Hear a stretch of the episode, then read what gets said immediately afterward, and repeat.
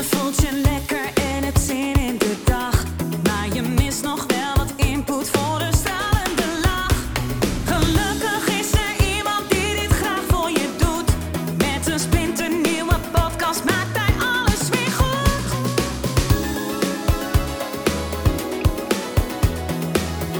Maak weer eventjes vrij voor Edwin Selij.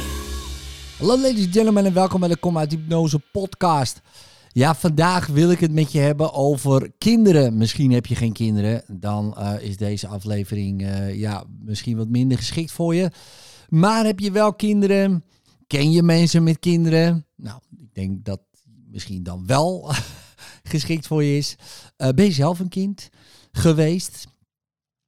En dan is hij zeker geschikt. Maar het gaat voornamelijk over ja, je kinderen. En de vraag is, wil je dat ze vrij zijn? Om te kunnen doen eh, wat ze willen? Nou, de meeste ouders zullen zeggen "Z- zeker. Ik wil gewoon dat ze kunnen zijn wie ze willen zijn. Eh, of wil je dat ze jou zijn? En die laatste, daar zeggen de meeste mensen geen ja op. Zo ja, ik wil precies dat hij zo is zoals ik. Sommigen trouwens wel. Uh, maar dat is wel wat de meeste mensen doen. Niet bewust, maar wel onbewust. En waarom? Uh, ze lossen zelf niks op. Ja, dus, uh, dus mijn kind heeft problemen. Uh, dan ga ik met mijn kind naar een therapeut. Dan ga ik met mijn kind ga ik, allerlei cursussen doen.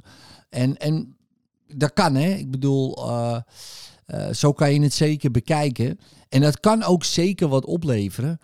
Maar de andere kant, ja, is vaak moeilijk voor ouders om te bekijken. Om uh, zichzelf te bekijken. Kijk eens in de spiegel. Komen die problemen gewoon niet door jou? En niet dat het jouw schuld is. Kijk, en dat is altijd het ding dan. Oh, dus je wilt zeggen dat het mijn schuld is? Nee, dat zeg ik niet. Want als jij dat had geweten.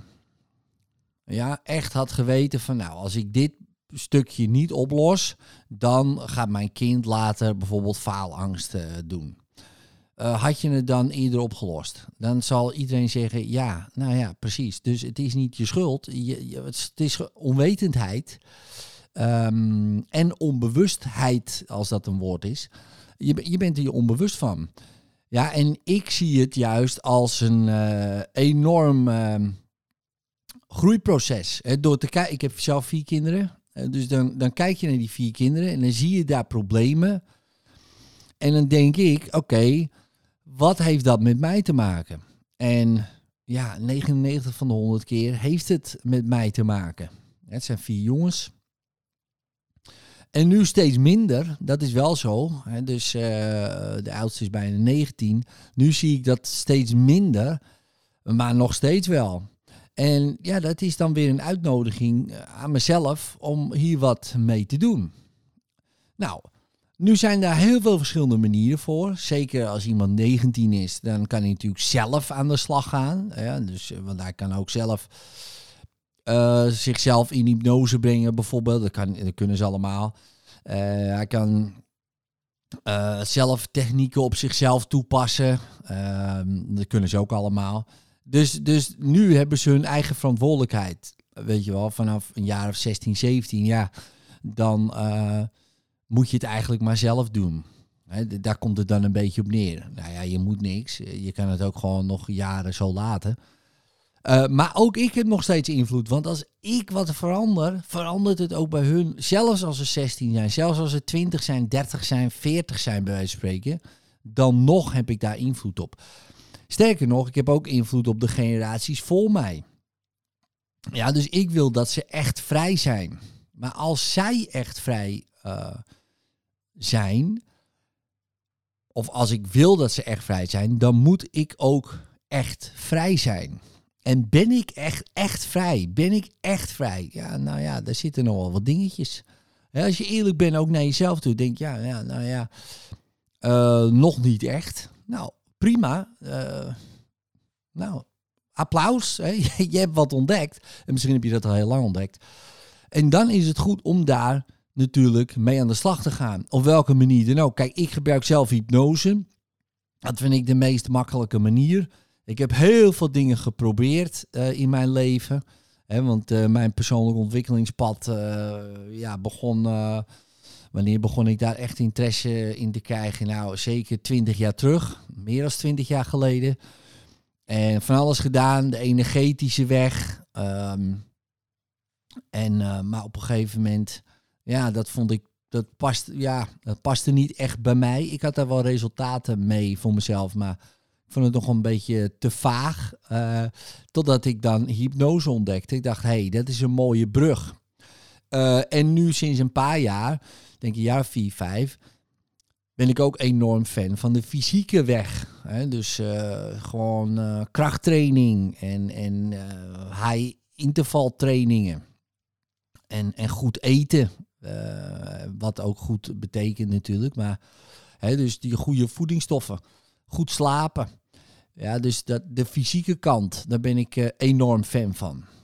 Maar goed, uh, de fysieke kant heeft absoluut effect. Maar de onbewuste programma's, ja, hoeven daar helemaal niet door aangeraakt te worden. Ik kan nog steeds hard trainen, goed eten, goed slapen. Uh, en nog steeds uh, getraumatiseerd zijn. En, en mijn trauma's doorgeven aan mijn kinderen. Uh, en bij een trauma hoef je niet per se te denken aan het meest verschrikkelijke. Um, maar een trauma, een traumatische ervaring is al bijvoorbeeld als je wordt genegeerd door je moeder of je vader. En dat kan zelfs genegeerd zijn uh, terwijl je moeder de druk hebt, weet je wel, die dat helemaal niet bewust doet. Dat is al een traumatische ervaring voor een klein kind. En dat is normaal. Kijk, als dat één keer gebeurt, daar heb je helemaal geen last van. Maar als het, het gaat stapelen, noemen we dan ook wel een stapeltrauma.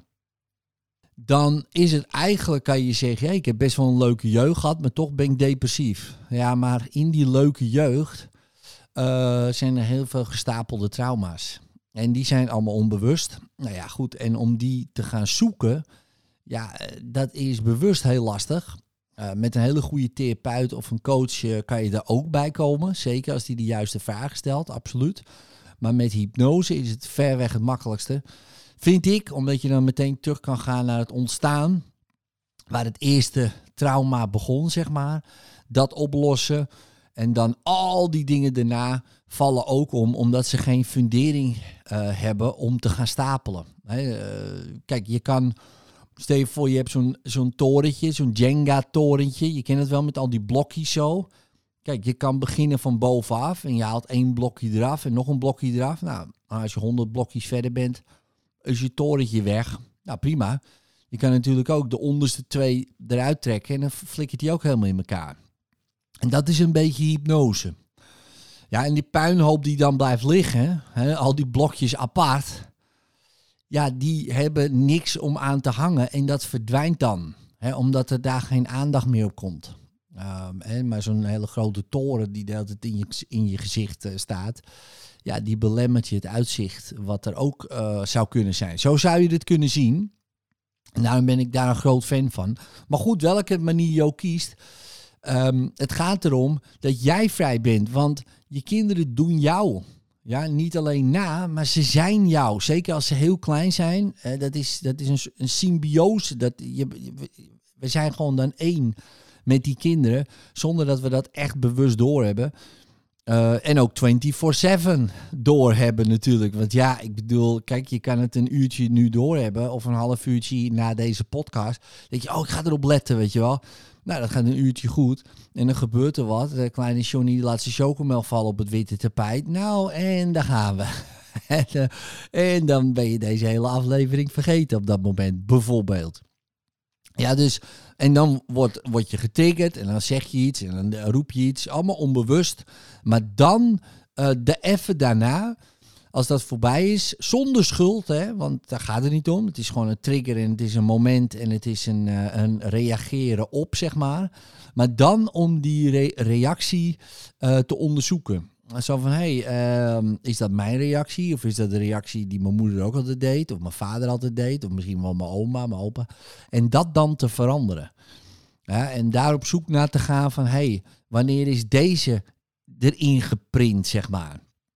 En als je die oplost, los je het niet alleen voor jezelf op, maar ook voor je moeder, je vader, maar ook voor de kinderen ehm, voor je kinderen. Nou, en zo kan je steeds, en dan wordt het opeens één groot persoonlijk ontwikkelingstraject. En wat ervoor zorgt dat je kinderen echt vrij zijn. Vrij zijn om te doen wat zij willen. Niet wat jij wil, maar wat zij willen. En dat is toch het mooiste wat er is. Maar dat kan alleen maar als jij vrij bent.